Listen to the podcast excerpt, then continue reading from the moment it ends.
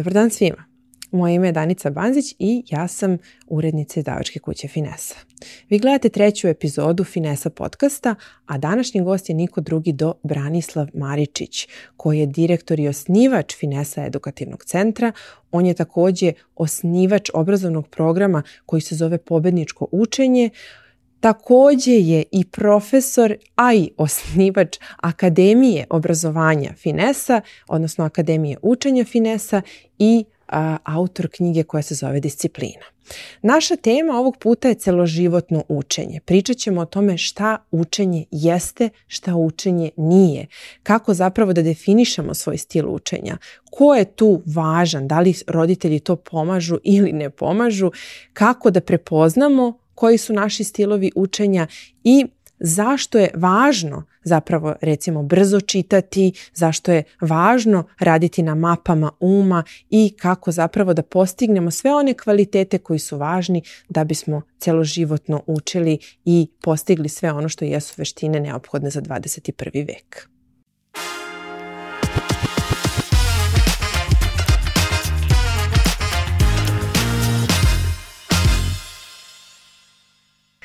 Bane, šta je učenje? Učenje je jedan divan, kreativan proces, nameran i svrsishodan, a može biti i nenameran, u toku kojega stičemo razna znanja i veštine. E, postoji veliki broj vrsta učenja, ali najčešće učenje koje e, se odvija u školi je, nažalost, i ono najgore – a to je takozvano učenje na pamet, bez razmišljanja i, i bez utvrđivanja povezanosti određenih činjenica i smeštanja u sistem znanja. Mm -hmm. Naime, to, to takozvano bubanje ili štrebanje, kako ga zovu, podrazumeva samo da, e, da zapamtimo činjenice, ali ne da ih povežemo. Tako da veliki broj učenika, i studenta, čak i profesionalaca kažu – znam sve informacije, znam sve recimo teoreme, dokaze, formule iz matematike na primer. Da reprodukuju. Jedino što ne znam, da, jedino što ne znam to je da uradim zadatak. Mhm. Uh E čemu onda ono prethodno ako ja ne uradim zadatak? Znači da te činjenice nisam povezao u sistem znanja i zato ne umem da upotrebim sve te činjenice na pravi način i da uradim zadatak. Mm -hmm. E o tome se konkretno radi. I mi smo svi svesni toga da neke stvari moraju da se nauče, kako kažem, na pamet, jer kakve veze ima, da tako kažemo, jedna činjenica na latinskom sa onim što predstavlja. Mm -hmm. Ili nekom drugom jeziku. Mm -hmm. Recimo, na engleskom se mačka kaže cat. A zašto se kaže cat? A zašto mi kažemo mačka, oni kažu cat. A francuzi kažu ša, finci kisa, nemci kažu kace i tako dalje. Mhm. Zašto? Mi ne ulazimo u to zašto, nego jednostavno naučimo informaciju. I to nije, ne samo jednu reč stranog jezika, nego učimo ih mnogo. Mm -hmm. Recimo oni koji upišu e, biologiju da studiraju, oni se e, susreću tokom školovanja najviše sa latinskim jezikom. Mm -hmm. Naziv biljke na latinskom, naziv delova biljaka na latinskom i sve ostalo na latinskom. Mm -hmm. Naravno, uče i na našem jeziku ali svi ti nazivi su na latinskom. Isto važi i za medicinu, veterinu, da. to je isto medicina. Tako. Sve na latinskom. E sad, kakve veze ima naziv na latinskom i kakve veze ima sa našim jezikom? E, takve veze mogu da se uspostave u mozgu i to je veoma važno kada recimo učimo neki strani jezik, bez obzira koje, da te veze uspostavljamo. -hmm. i mm-hmm. što više recimo jezika učimo, to možemo lakše da učimo svaki sledeći jezik. Mm -hmm. Ljudi koji su poliglote kažu bio je najveći izazov da naučim prvi strani jezik. Mm -hmm. Ali kad naučim jedan strani jezik, ja onda mogu lakše da naučim neki drugi. Da. Jer recimo neke reči na nekim jezicima se izgovaraju isto i isto i znače, mm -hmm. a neki e, neke reči su veoma slične istog značenja, a neke se potpuno razlikuju. Mm -hmm. Recimo, na nemačkom odrastao muškarac se kaže man, mm -hmm. čisto man, kao što bismo mi rekli tu reč man. Englezi kažu nešto izmenjeno, man, to je mhm. zatvoreno e, liči na man. I mhm. ako ja kažem englezu man iz konteksta rečenice, on će shvatiti o čemu govorim. Mm -hmm. Englezi kažu night, englezi kažu nacht. To se razlikuje u jednom slovu, ali da. u izgovoru i malo drugačije se piše. Da. A znači isto noć. Da. Dok da. recimo žena na nemačkom je Frau, a na engleskom je woman, Mhm. a na italijanskom je dona ili la dona sa članom, da se zna da je ženskog roda. Znači, sasvim je različito. A, a, da vas pitam nešto. Na početku a, svog odgovora rekli ste to je jedan kreativan proces. Da li to što je kreativan znači da je mhm. dostupniji onima koji bi, koje bismo karakterisali kao kreativne? Primer radi neko ko, ko, ko, la, ko lakše pamti, lakše uči, lakše savladava mhm. gradivo je de facto neko ko je kreativniji i ov, takva znanja su mu destu, dostupnija ili ne? pošto ste rekli da je kreativan proces? Odlično pitanje. Stvar je u tome da e, svako od nas u glavi je, ima jedan super biokompjuter mozak koji može apsolutno sve. Mm -hmm. Potrebno je samo da naučimo kako da ga koristimo na pravi način. Oni koji ga koriste na pravi način vrlo brzo dolaze do željenih rezultata. Mm -hmm. I svako od nas je prirodno kreativan. Kad pogledamo najmlađu decu, Oni su svi kreativni. Naravno, nismo svi podjednako kreativni, niti smo podjednako inteligentni. Ali oni koji imaju u glavi zdrav mozak, ne treba da brinu o kreativnosti mm -hmm. i o mhm. tome da li su sposobni da nauče sve što je predviđeno i nastavnim planovima i programima u osnovnoj i srednjoj školi na fakultetu.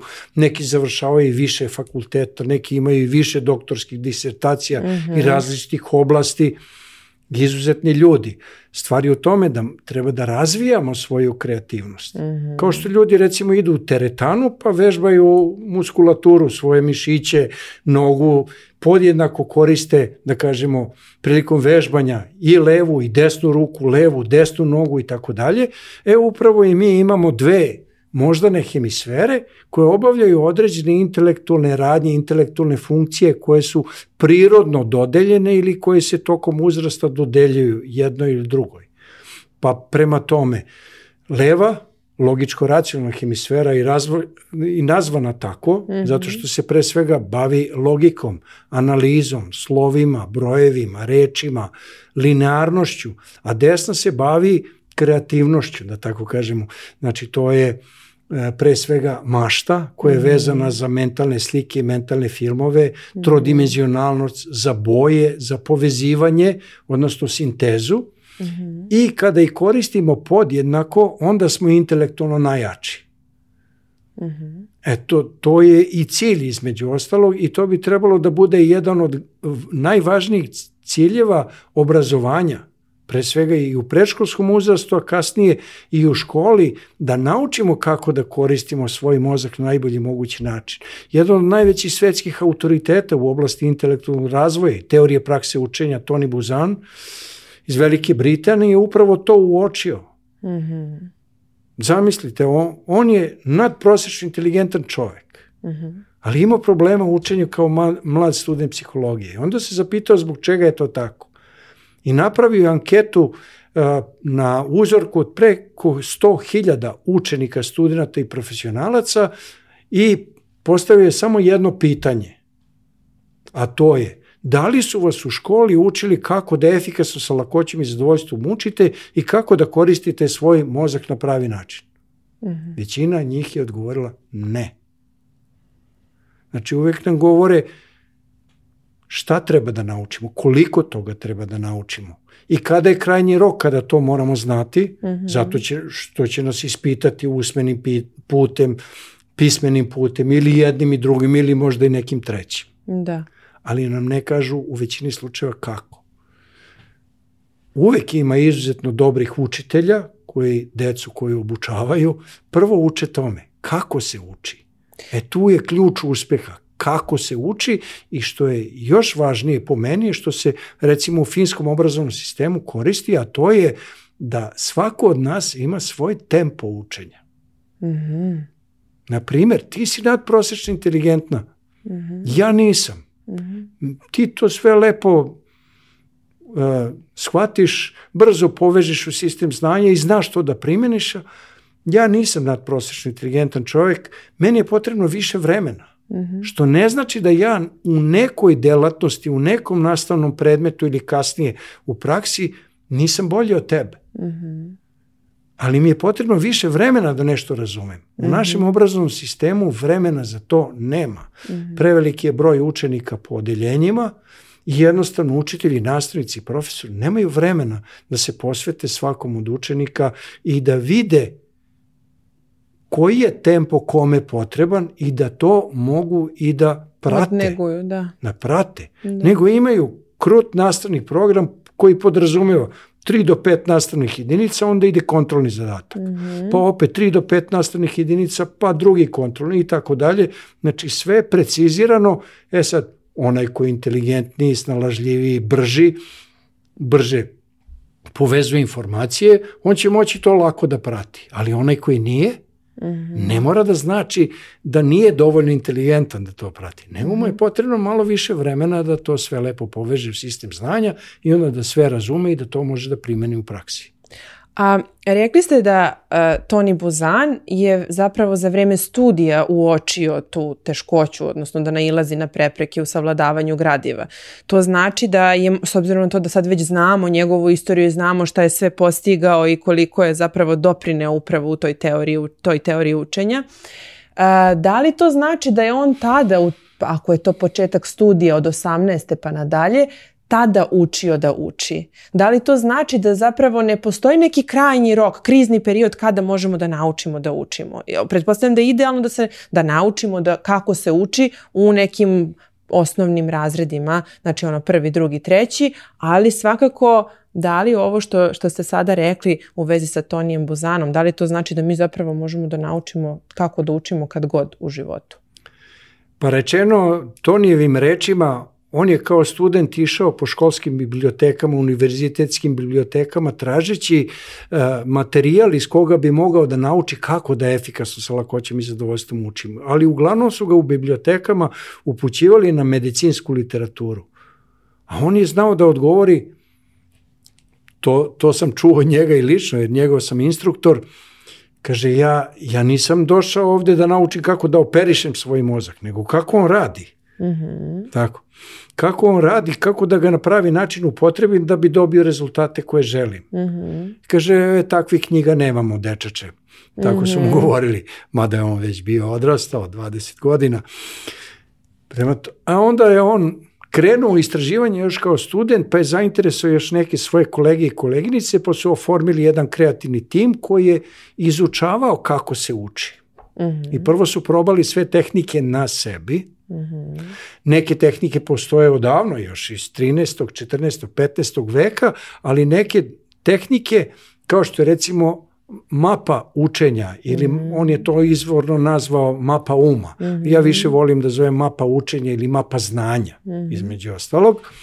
E, pa onda tehnike brzog čitanja, tehnike pamćenja i tako da sve su one to isprobavali na sebi i onda je on počeo da piše knjige u vezi sa tim kako da naučimo da učimo brzo, efikasno, lako i što je po meni najvažnije, da nam učenje predstavlja zadovoljstvo, a ne da učenje bude mučenje.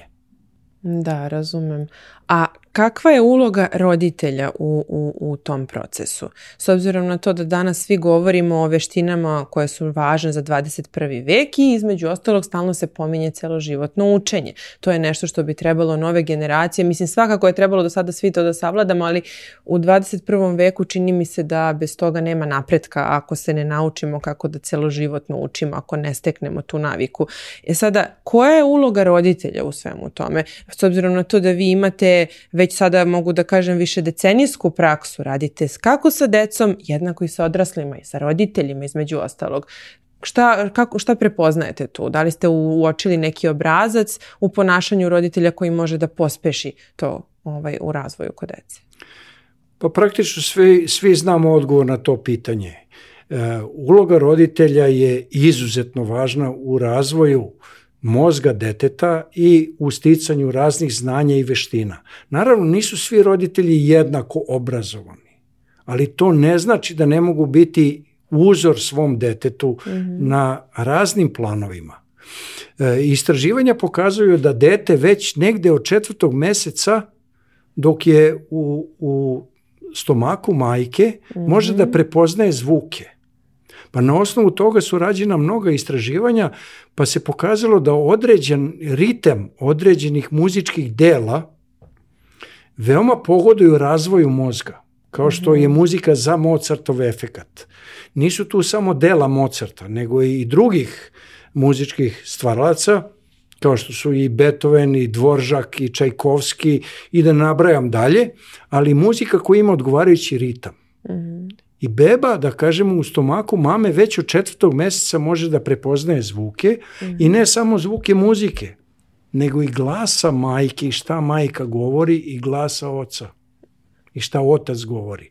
Pa se čak i preporučuje da recimo otac kaže po znacima navoda sad kaže svoje bebi da ona razume, kaže bebo uskoro ćeš doći među nas pa ćemo se lepo družiti i da to povoljno utiče na mozak deteta. I kako recimo beba raste u maminom stomaku, sve više ona prepoznaje određene zvuke i određene radnje, da li je mama uznemirena, znači emocije nastaju, da li je uznemirena, da li je ljuta i samim tim mozak se sve više razvija, a dete, naravno, kad se rodi, onda se suočava sa nekim drugim svetom. Do tada je, da tako kažemo, živelo u vodi, -hmm. Na određen način se hranilo, sada je izašlo, da kažemo, iz vode u suvi svet, nazovimo ga tako, i onda počinje da koristi svoja čula. Mm -hmm. I od početka koristi svoja čula. Čulo vida opet nije savršeno, ono se razvija, e,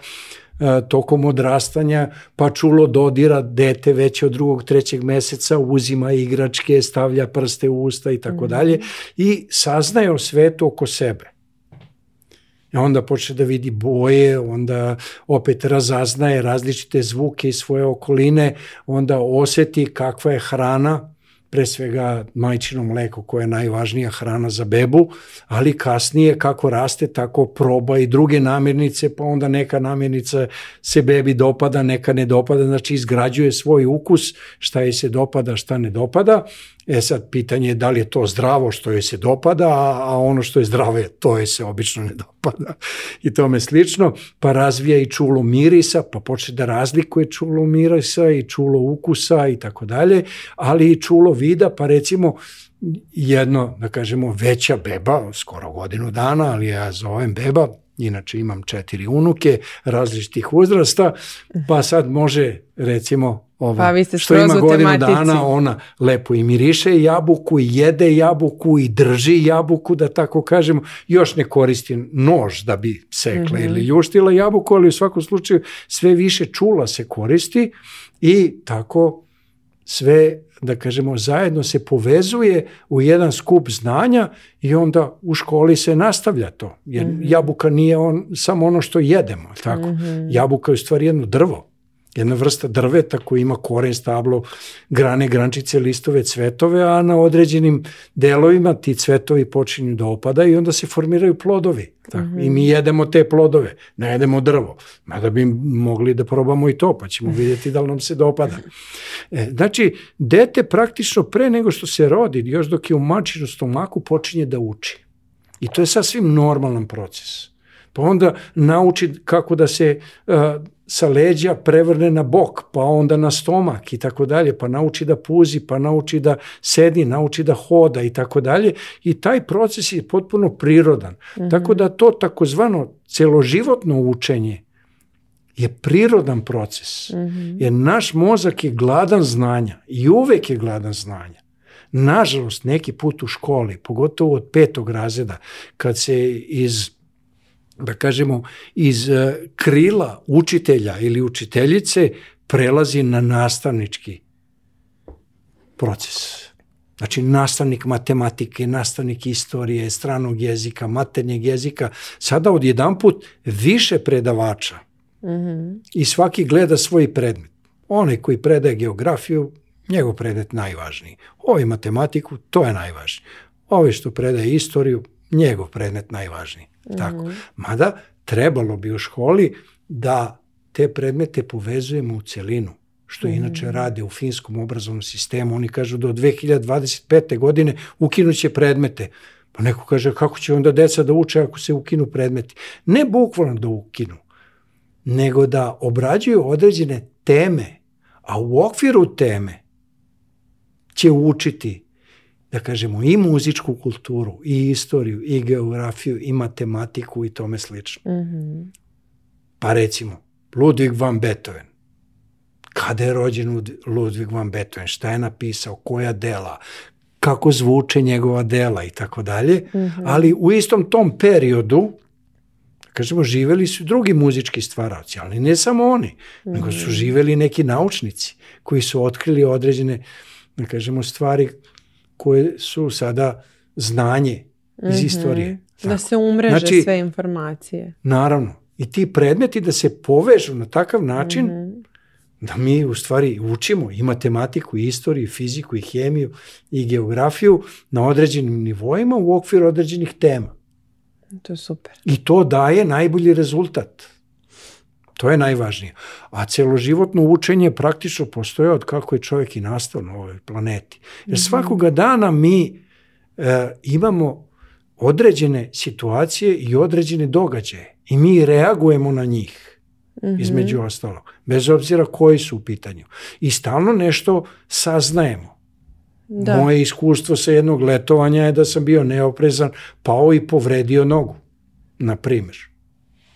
E sad znam da treba da bude malo oprezniji kad se nađem tamo na stenama, da ne padnem ponovo i da. tome slično. Ili ako u nekom zadatku iz matematike i fizike pogrešim, aha, na osnovu te greške e, stvorim iskustvo da ne pogrešim opet na istom. Ako je 2 i 2 4, ako sam napisao 2 i 2 je 5, pa da ne, da ne napišem i drugi put 2 i 2 je 5, jer nije. Da, jasno, ali evo, baš sam skoro slušala uh, predavanje Noe, Juval Noa Harari i, i držao je e, predavanje srednjoškolcima, čini mi se u Londonu, mm -hmm. i pričao je o tom upravo o celoživotnom učenju i zašto je važno i budućnosti obrazovanja. I on eto kaže kako eto do skora su revolucije bile takve da kad se uzdrma jed, jel, ovaj balans, kada se naruši balans i je, dođe do određene revolucije koja uspostavi ponovo neki balans. Međutim, danas savremene tehnologije i veštačke veštačka inteligencija takvom dinamikom narušavaju balans da će do revolucija, kako on kaže, dolaziti malte ne na svakih 10 godina. Šta to znači? To znači da danas najpopularnija i najtraženija zanimanja nisu malte ne ni postojala pre 15 godina, a stvar je da će istom dinamikom, ako ne i bržom se stvari menjati u budućnosti. Mi zapravo ne znamo šta nas čeka za 2035. 45. 55. kako on kaže. E, I s tim u vezi on kaže jedina stvar jeste to reinvent yourself a u tom kontekstu da se konstantno uči, odnosno da se konstantno menjamo, da budemo na kraju krajeva ono što se i definiše kao inteligencija jeste sposobnost da se adaptiramo na različite okolnosti. Šta meni znači što ja znam da rešim neki zadatak, povežem brojeve, odnosno i da me to definiše kao inteligentnu ovaj, osobu ako ja ne mogu da se snađem u svakoj situaciji, ali tako, i da primenim to. To je sve ono što ste vi rekli na početku. E sad, u tako kontekstu je. tog celoživotnog učenja, šta mislite opet kažem, s obzirom na vašu praksu, koje veštine ga potkrepljuju? Vi imate, znate mnogo o savršenom pamćenju, o a, e, mapama uma, o brzom čitanju. Šta je ono što je možda, ja svakako, mhm. svesna sam toga da, da, da je sve to u nekoj vezi e, e, i da, da je sve važno. A šta je ono što vi mislite da je najvažnije za celoživotno učenje i, i, i, i za ove buduće generacije? najvažnije je upravo to da, da znamo da u okviru procesa učenja postoji pet faza. Mm -hmm. Prva faza je prijem informacija. Mi prijemamo informacije našim čulima. E, vrlo je važno od kvaliteta prijema informacija kako ćemo mi tu informaciju obraditi kasnije u mozgu i zapamtiti. Mhm. Znači druga faza je obrada informacija. Kada na pravi način obradimo informaciju koristeći obe polovine mozga, podjednako, da rade kao tim, onda ćemo lako moći da zapamtimo informaciju i da kažemo pamćenje informacije je unos informacija u biološki računar zvani mozak. Mm -hmm. A sećanje na zapamćene informacije je izlaz informacija iz mozga. Či znači, zapamtio sam jednu reč stranog jezika, ja e sad znam da kad mi zatreba ter, ta reč, da kažemo gde mogu da je potražim i kako da se setim. Uh e, sledeća faza je kao što smo rekli, kao treća faza je pamćenje informacija i to treba da znamo e, koje vrste pamćenja imamo i koje osobine svaka od tih vrsta pamćenja ima. Mm -hmm. I to se uči između ostalo. Znači, uči se kako radi naš super biokompjuter mozak. Četvrta faza je povezivanje informacije u sistem znanja. I tu su buzanove mape uma, odnosno mape učenja, kako ja više volim da ih zovem, mm -hmm. dale najbolji rezultat. Znači, povezivanje informacije u sistem znanja i na kraju, kao peta faza, je primjena naučenog u praksi. Mm -hmm. Tako da ja ako prve četiri faze uradim kako valja, onda proveravam u praksi da li ja to nešto zaista znam. Ili sam samo dobro informisan, imam dobro pamćenje i sećanje, ali, kao što sam rekao, ne znam da uradim zadatak. E, to mi je povratna informacija da nešto nisam dobro razumeo, nešto nisam dobro povezao, nisam povezao na pravi način, pa onda se vraćam u proces ponovo, ali ne sasvim na početak, ali neki put i na početak. Pa mhm. prolazim kroz faze prijema, obrade, pamćenja informacije, povezivanje informacije u sistem znanja. E kad na pravi način poveziva, povežem informaciju u sistem znanja, onda kažem to, aha, mhm. sada znam, sad mhm. znam to da upotrebim u praksi. E, to je najvažnije. A vi ste autor knjige Samodisciplina. Da li mhm. je samodisciplina tu takođe uh, jednako važna kao i sve ovo o čemu ste pričali? Pa uh, izuzetno je važno da steknemo tu naviku koja se zove samodisciplina. Jer najuspešniji ljudi među nama, bez obzira iz koje su oblasti, da li su pitanju sportisti, naučnici, umetnici, Razum, da. inženjeri, da. tehnolozi, sasvim je svejedno. A, Samo disciplina krasi najuspešnije. Mm -hmm. Ali, nažalost, od malih nogu nas nisu učili samo disciplini, nego su nas disciplinovali. Mm -hmm. Jednog dana su mi rekli, Bane, ti moraš u školu. Školski čas počinje u 8 sati, moramo da krenemo najmanje pola sata ranije od kuće da bismo na vreme stigli. Mm -hmm. Pa onda mali Bane koji ima nepunih 7 godina, mora 45 minuta da sedi kao kip, a znamo mhm. deca se 7 godina, to im je najteže, i bar kad sam ja išao u školu, a davno je to bilo, u osnovnu školu, mi smo morali još da držimo ruke iza leđa. Svarno. Nema oslanjanja nas stolice, nego jedino kada pišemo, crtamo i tako dalje, onda smo morali da koristimo ruke. Ali takva je bila disciplina. Ali redko ko je samo disciplinovan da radi to isto ili nešto drugo. Na primer sportisti, veliki broj vrhunskih sportista, ja uvek pominjem Novaka Đokovića, on sa nepunih pet godina ili malo više od pet godina je počeo da igra tenis. Mm -hmm.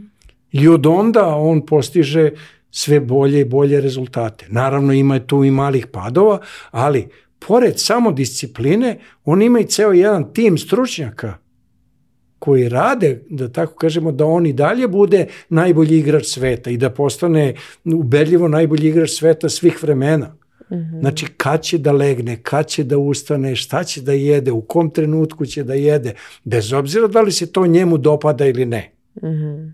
Naravno, on, imajući u vidu da, da je ostvario, da kažemo, i velike zarade, on možda jede šta hoće.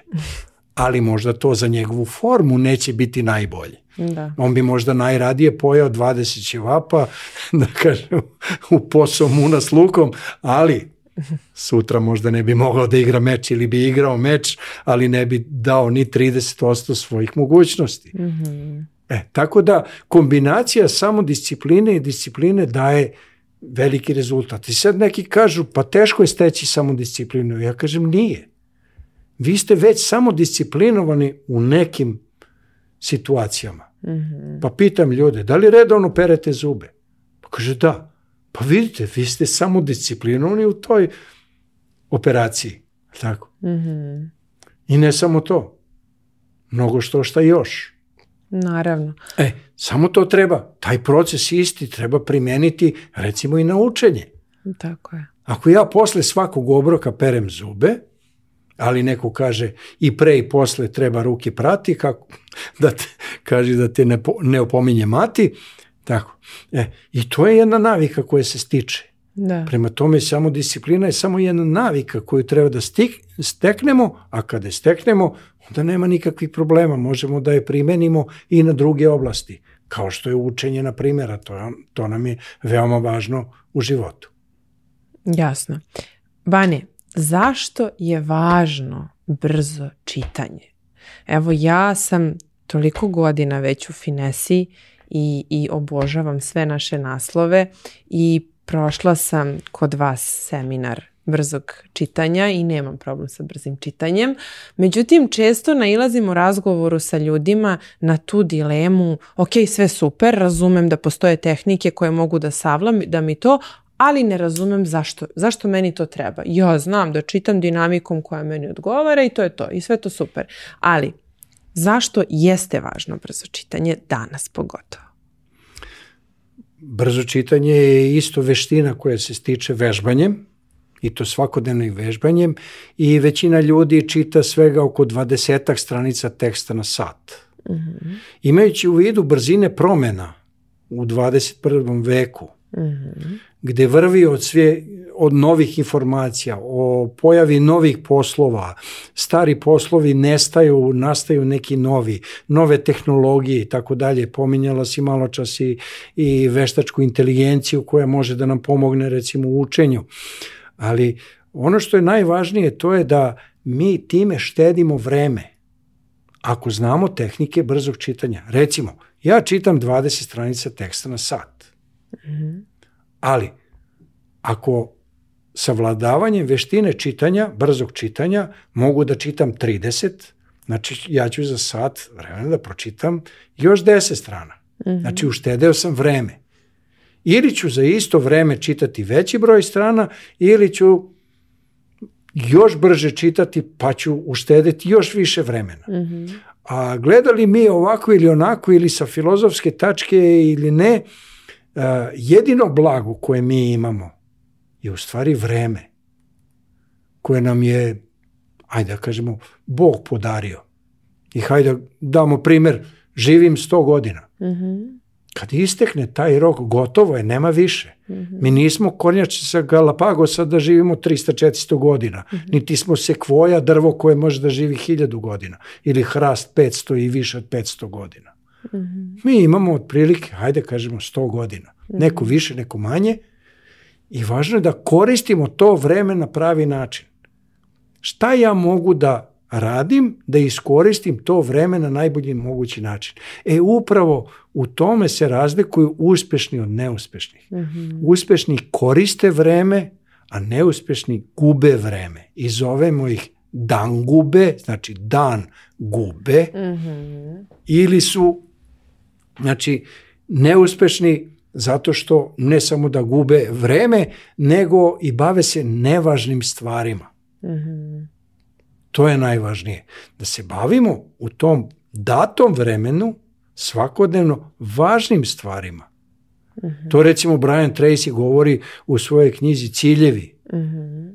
da, da postavimo svoje ciljeve i onda da svakoga dana uradimo po jedan korak kako bismo se primakli cilju. Mm -hmm. I onda po njegovim rečima, jer bio sam na njegovim seminarima i kupovao njegove knjige i čitao i proučavao, kaže onda cilj počinje da se približava nama. Kaže u jednom trenutku ćete primetiti da se cilj približava vama. Postajete magnet za ostvarenje ciljeva i privlačenja povoljnih situacija u svoj život. Mm -hmm. E, A tome se konkretno radi. Znači, što se tiče konkretno tehnike brzog čitanja, potrebno je samo redovno vežbati malo po malo, do pola sata dnevno i vrlo brzo čovjek može da ostvari brzinu koja je dvostruko veća od početne. Recimo mm. da je bila 20 mm. strana na sat, sad može da sa podjednakim, možda i boljim razumevanjem i pamćenjem čita brzinom od 40 stranica teksta na sat. A Toni Buzan je upravo dokazao, razvijajući te tehnike brzog čitanja, da mi što brže čitamo, bolje razumemo i pamtimo. E, to je neki, e, nazovimo ga paradoks. Neko će mhm. reći, kako, kako to da ostvarim? U stvari, kada mi čitamo brzo, mi u istoj vremenskoj jedinici pročitamo veći broj reči, onda počinjemo da čitamo u kontekstu i zato bolje razumemo. A ono što bolje razumemo, to onda lakše zapamtimo i toga možemo lakše da se setimo. I to je ključ uspeha u razvoju tehnika brzog čitanja. Da, I postizanju sjajno. većih brzina i većeg stepena razumevanja i pamćenja pročitanog materijala. Da. A pominjali ste malo čas Tonija Bozana i mape uma, odnosno kako ste rekli mape učenja. Da. A, kako je, zašto su one toliko učinkovite? Da li to ima veze sa onom kreativnošću koju ste pominjali na početku i, i da li one u, u kontekstu ove priče o celoživotnom učenju mogu biti od značaja danas? Ja znam, mm -hmm. evo, konkretno znam da su dolazili doktori, a, a, i zahvaljivali su vam se zato što za vreme svojih specijalizacija su zapravo dolazili kod vas na časove a, i da su zapravo učili upravo to, mape uma i uz mape uma savladavali neke od najtežih predmeta, svoje specijalizacije čitave. I zato vas pitam je e, e, zašto su i kako su, zašto su toliko moćne i, i, i, i učinkovite? Šta ih čini tako posebnim? Stvari u tome da su mape učenja u stvari mape znanja koje mi koristeći reči, linije, boje, zatim slike, odnosno crteže, stavljamo na tu mapu u vezi sa onim što učimo. Uh mhm. -huh. I tada koristimo, kao što sam malo čas rekao, i levu logičko racionalnu polovinu mozga koja se bavi pre svega rečima i, i svim mogućim abstrak, mhm. abstrakcijama, mm -hmm. logikom i analizom, a s druge strane desna se bavi slikama, mm -hmm. mentalnim filmovima, bavi se sintezom nasuprot analizi, bavi se trodimenzionalnošću i bojama, mm -hmm. pa mhm. koristeći obe polovine mozga na toj mapi mi jednu lekciju koja je uglavnom data u rečima, pretvaramo u zanimljivu sliku za mozak. Mm -hmm. To možemo uporediti sa mapom grada, mada to redko kada uh, se koristi u današnjim uslovima, jer svi imamo mobilne telefone, pa imamo tamo navođenje preko Google mapa i ostalog. Ali, vratimo se malo u prošlost. Ja kad sam otišao prvi put u neki grad, na primjer Novi Sad, najpametnije mi je bilo da odem do kioska i da kupim mapu grada. Uh mm-hmm. -huh. Recimo, moja Crvena zvezda igra sa Vojvodinom i naravno većina novosađana zna gde je stadion Vojvodina, ali ja ne znam. Uh mm-hmm. -huh. Sišu sam, izašao iz voza, uzeo mapu grada i kažem, i sad gledam. Uh Tako. Uh mm-hmm. -huh. Pa sam otišao, gledao sam utakmicu, pomoću mape sam se snašao na terenu. Znam gde sam, ovde je stanica, pa se ide tamo pravo, pravo, pravo, bulevarom, pa se negde skrene levo i tu sam blizu stadiona i onda ugledam i stadion i došao sam do cilja. E, stvari u tome da je i mapa učenja slična mapi grada. Mm -hmm. Pa recimo, hoćem da, hoću da uh, idem u neki muzej. Mm -hmm. Pa na mapi grada piše gde se koji muzej nalazi, u kom ono kvadrantu mape, a negde je i ta turistička mapa pa je i, i nacrtana zgrada, pa recimo zatreba mi, nisam, nisam planirao, ali zaboli me zub, pa onda mm. mogu da vidim i gde je neka, neki dom zdravlja, pa da odem na neku, ako treba, intervenciju, mm. tome slično, ili apoteku. Tako da na toj mapi grada imamo mnoge objekte koje možemo i da posetimo, ali pomoću mape znaćemo gde se ti objekti nalaze.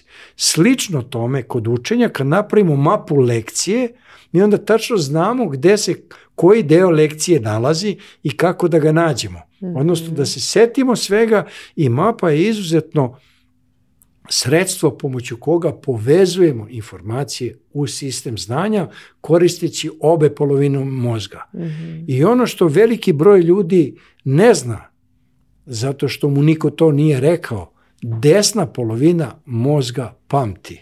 Uh mhm. -huh. I to pamti pomoću slika i mentalnih filmova. Recimo, tvoje ime je Danica. Uh -huh. Ja u mhm. tom imenu vidim dan, a ima i ona zvezda Danica, uh -huh. tako, mhm. koja se može videti Danju. tako kaže. E, znači, ako ja to povežem na taj način, pa to ime Danica pretvorim u neku sliku, povežem sa još nekim pojmom, onda ja to ime ne mogu da zaboravim. Doduše, tvoje ime je lako zapamtiti, ali ako ima ali ime prezime, nekog... prezime, teško. nije, nije. E, naprotiv, sve je lako ako znamo kako. Naprimjer, Hsu Shao Fa. Ja sam tog igrača stolnog tenisa obožavao, jer je bio, bio između ostalog i prvak sveta, ali ne bilo koji prvak sveta, nego igrao takozvanim penholder stilom, to je reč engleskog jezika, oni koji drže reket ovako s dva prsta, mm -hmm. a mhm. preostala tri prsta sa druge strane reketa Aha, i, stalno, kapiram, i, da. i igraju ovako. Ta. Da. da, da, ne ovaj evropski način, sad i kinezi igraju evropskim držanjem reketa, razumim, da. znači penholder stil, I onda sam ja i oponašao njega i vrlo dobro sam igrao u osnovnoj školi stoni tenis, kasnije sam prestao da igram baveći se košarkom, ali e, da ne dužim o tome. Kako ste zapamtili ja e to ime? Hsu Shao Fa. Moram da ga zapišem. da, Hsu Shao Fa. Dobro, da. E idemo. E sad, Hsu Shao Fa, suša, H, kad izbacimo H, onda ide Aha. suša. Suša, dobro. A, a FA je ona firma, e, ima dezodorans. i dezodorans i mhm. ostalih mm -hmm. stvari. Da, pa sam to povezao i povezao sam sa njim kako on ide kroz neku pustinju gde velika suša, suša ulazi u, u neku oazu misleći da će tamo, e, odnosno vidi tamo palme, ali vidi veliki izrasline kao zgrade, to su neki dezodoransi firme FA. Tako. I onda on se osveži tamo, popije vodu, jer obično u tim oazama ima vode, ali ajde da, da se malo i osveži, pa malo dezodoras pod jednu, pod drugu mišku i tako napravim ceo jedan mentalni film u vezi sa njegovim imenom i prezimenom. Ja sad ne znam šta je u tom imenu, da kažemo, delu ime baš, a šta prezime, ali u svakom slučaju ja znam sve. Mm -hmm. E, Fenomen. o tome se zapravo radi. Znači da koristeći obe polovine mozga, E, nađem način kako nešto da zapamtim. Mm -hmm. I da to pretvorim u slike i mentalne filmove. I onda nema nikakvih problema. E sad, nekome to može da se čini veoma zahtevnim. Međutim, tako je na početku. Bilo šta da učimo. Mm -hmm. Izuzetno je bilo zahtevno od nas naučiti da vozimo bicikl na dva točka. Mm -hmm. Obično smo imali one pomoćne točkiće, je, pa da. bilo na četiri točka, da. pa smo onda odbacili, odnosno roditelji su demontirali dva ona mala, pa smo ostali na dva. I onda smo i padali, ustajali i naučili. Kad smo jednom naučili da vozimo bicikl, onda mi samo vozimo bez obzira koji je to bicikl. Da li onaj stari takozvani kontraš ili ovaj što ima više stepena prenosa ili brzina, kako ga zovu, sasvim svejedno. Ako sam savladao da vozim bicikl, ja samo vozim. Isto što, to važi za učenje. I što je važnije, još važnije, ne zaboravljamo više nikada. Kažu da jednom kad naučimo da vozimo bicikl, teško da ćemo ga zaboraviti, pa makar prošlo ne znam koji broj godina između naše vožnje Tako poslednje je. i one koje... Tako, to je još jedna poslednje. veština da kažem, u skladištu našeg mozga ili navika, kako god da je nazovemo, ili obrazac učenja koji je naučen, tako da mi to možemo da obavljamo bilo kad. Tako. Veliki broj ljudi zna i da vozi automobil. Mm. -hmm. E sad, manje je važno koji automobil je lakše voziti, a koji je zahtevnije voziti, ali znam Svaki automobil, dobro, bit će u budućnosti i oni koji neće imati upravljač, svaki automobil ima upravljač. Mm -hmm. I ima menjač, ima papučice dole, sad da li je automatski menjač ili manuelni i tako dalje. E sad neko ima samo dve komande, automatski menjač ima samo kočnica gas, nema, nema da, kvačila. kvačila. Ali ako ja znam ovaj sa kvačilom, ja ću znati da vozim i onaj bez kvačila. Tako je. Dok Amerikanci u kad sednu, generacijama da, da, imaju samo automatike, onda kad dođe u Evropu, da, da. iznaj mi automobil, ti ima još jedna papučica, kako se sad ovo koristi, mora da uči da, novu da. veštinu. Da, da, da Ali nalazi. suština je upravo u tome što si rekla. Jednom naučeno, savladano u praksi, koji daje određeni rezultat, znači postižemo određeni cilj, ostaje kao trajni zapis u mozgu za ceo život. Sjajno, hvala. Šta je ono što gospodin Branislav Maričić čita ovih dana, ako uopšte stižete od svih silnih podcasta, unučica. E, ja evo lično znam koliko i časova držite u finesi i koliko učenika imate da li stižete i šta čitate ovih dana? Šta, bi, šta je ono što vas prosto ovih dana, šta vam drži pažnju? Pa imajući u vidu da ja i učenike, studente, ali i profesionalce učim kako da efikasno sa lakoćom i zadovoljstvom uče, ja moram da pratim šta se dešava u svetu na tom polju mm -hmm. i šta je dalo odličan rezultat. Mm -hmm. Tako da recimo mogu da istaknem jednu izuzetnu knjigu koju se stalno vraćam, nju je napisala Vera Birkenbil. Mm -hmm. uh, ona je inače nemački naučnik, pored Tonija Buzana ona je možda njemu rame mm -hmm. do mhm, ramena, mm -hmm. uh, izuzetan stručnjak za učenje. Ona je napisala knjigu svoje vremeno, davno je to bilo, uključite svoj mozak. Mm -hmm. I ona kaže sledeće, svi smo mi vlasnici mozga samo neki od nas su i korisnici mozga.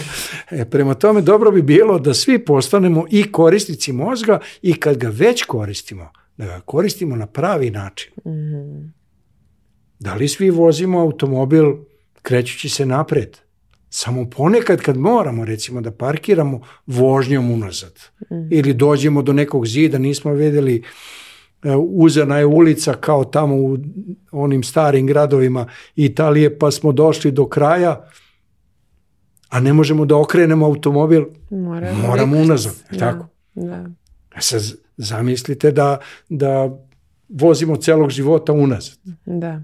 Zašto postoji samo jedan stepen prenosa za vožnju nazad, a više 4, 5, 6, 7, 8, zavisi koji je automobil u pitanju, mm -hmm. za vožnju napred, zato što je to prirodno. Mm Kao i mi kad se krećemo. Prirodno da se krećemo napred, jer očima gledamo da šta je ispred nas. Da. Kad se krećemo unaz, samo kad moramo ili bočno.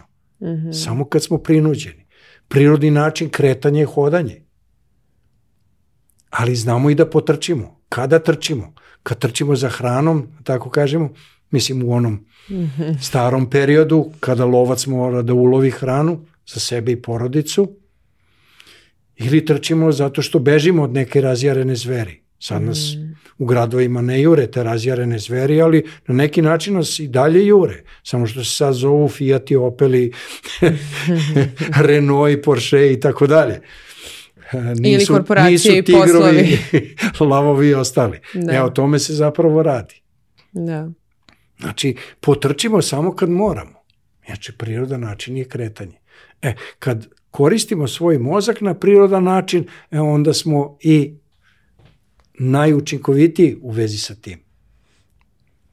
E, što se tiče knjiga koje trenutno čitam, e, ponovo sam se vratio jednoj izuzetnoj knjizi koju stalno preporučujem svojim učenicima, a to je knjiga Kako gospodariti sobom, Emila Kuea, mm -hmm. izuzetnog čoveka koji je učio ljude sugestiji i naučio ih šta znači autosugestija i koliko autosugestija može biti primenjiva u raznim oblastima. Mm Pre svega u učenju. I ne samo u učenju, nego u poboljšanju sobstvenog zdravlja. Mm Jer naše sadašnje zdravlje je rezultat naših akcija iz prethodnog perioda. Tako? Mm -hmm. Neko je zdrav, a neko, nažalost, nije zdrav. Ako smo danas gojazni, to znači da smo u prošlosti više Tako. jeli, nismo na pravi način jeli, nismo jeli pravu hranu u određenim vremenskim terminima i tako dalje.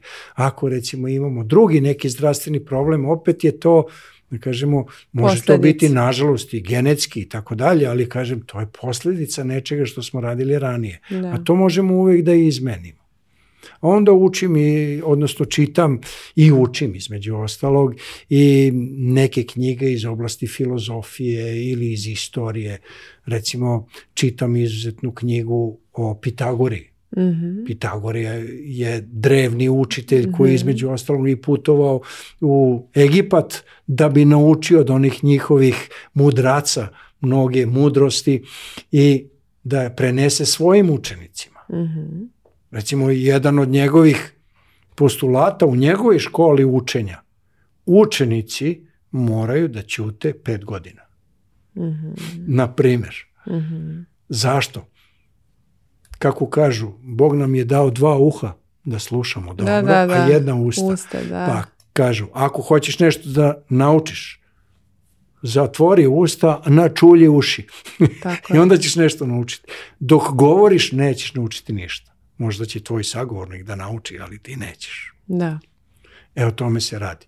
Sem veštine komunikacije. Da, da, I tako, naravno. I javnog govora. Evo tome se radi. Dobro. A, I poslednje pitanje. Ko vas je inspirisao u poslednje vreme najviše?